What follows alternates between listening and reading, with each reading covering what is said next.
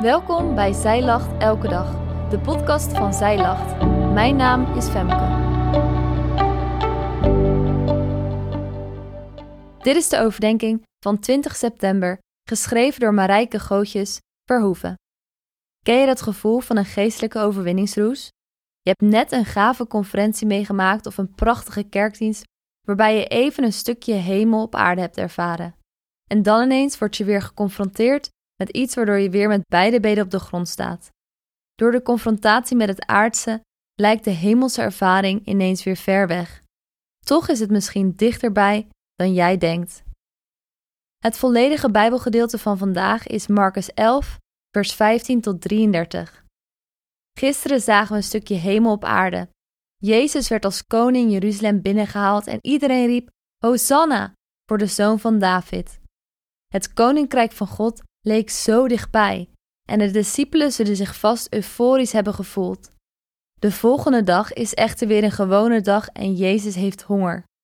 Lekker down to earth.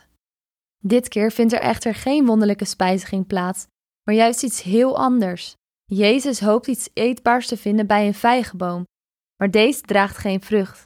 En dan horen zijn vrienden dat hij de boom vervloekt.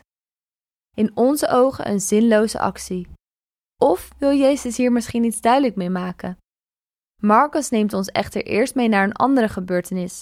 Het lijkt los te staan van het verhaal, maar hij heeft toch alles mee te maken. Jezus, die de dag ervoor dus nog als koning werd toegejuicht, komt de tempel binnen en ontsteekt in woede over wat hij daar ziet. En dat is echt niet uit zaggerijn omdat de vijgenboom geen vrucht had en hij nog niet heeft ontbeten. Jezus is ontdaan over hoe er in de tempel aan toe gaat. Want een huis van gebed te zijn, is niet alleen een marktplaats voor handen geworden, maar zelfs een rovershol, waar onrecht en misstanden plaatsvinden. De volgende dag komen Jezus en zijn vrienden opnieuw langs de vijgenboom. Ze zien dat hij dood is. De vijgenboom, het symbool van Gods volk, droeg vroeg in het jaar al veel blad, waardoor de indruk werd gewekt dat er veel beginnende vruchten zouden zijn.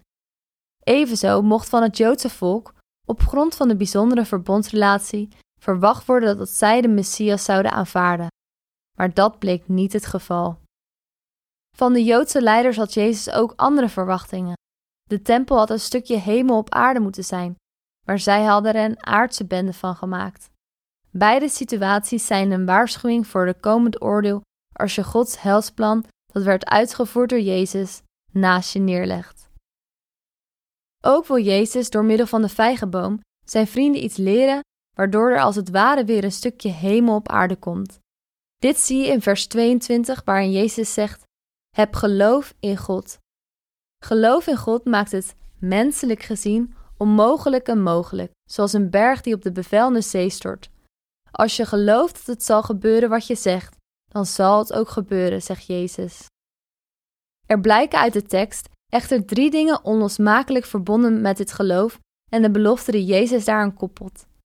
Allereerst, twijfel niet. Want twijfel geeft twee mogelijkheden. God kan het, dat is geloof, maar het gebeurt misschien niet. Dat is ongeloof. Jezus wil niet dat wij twijfelen in ons hart, dus we moeten afrekenen met het ongeloof. Als tweede spreekt Jezus over biddend begeren. Dit gaat over een sterk, hevig verlangen. Hoeveel tijd besteden we aan ons gebed? En komen onze verlangens overeen met Gods wil? En als derde is het vergeving. Onze verhouding tot anderen hangt nauw samen met onze relatie met God. Hebben wij nog geloof in een stukje hemel op aarde? Soms is het best ingewikkeld, omdat het geen sluitende formule is en niet al onze gebeden beantwoord lijken te worden. Maar laat ons dan er niet van weerhouden om geloof in God te hebben. Jezus roept ons daartoe op. Tot slot zien we in vers 28 over de schriftgeleerden die Jezus vragen over zijn bevoegdheid wel van God afkomstig is. Gaat het over een stukje hemel op aarde of betreft het een menselijke bevoegdheid? Volgens mij is dat wel duidelijk.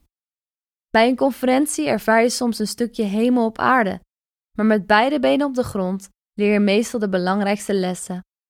Vandaag is Gods koninkrijk dichterbij dan je misschien denkt.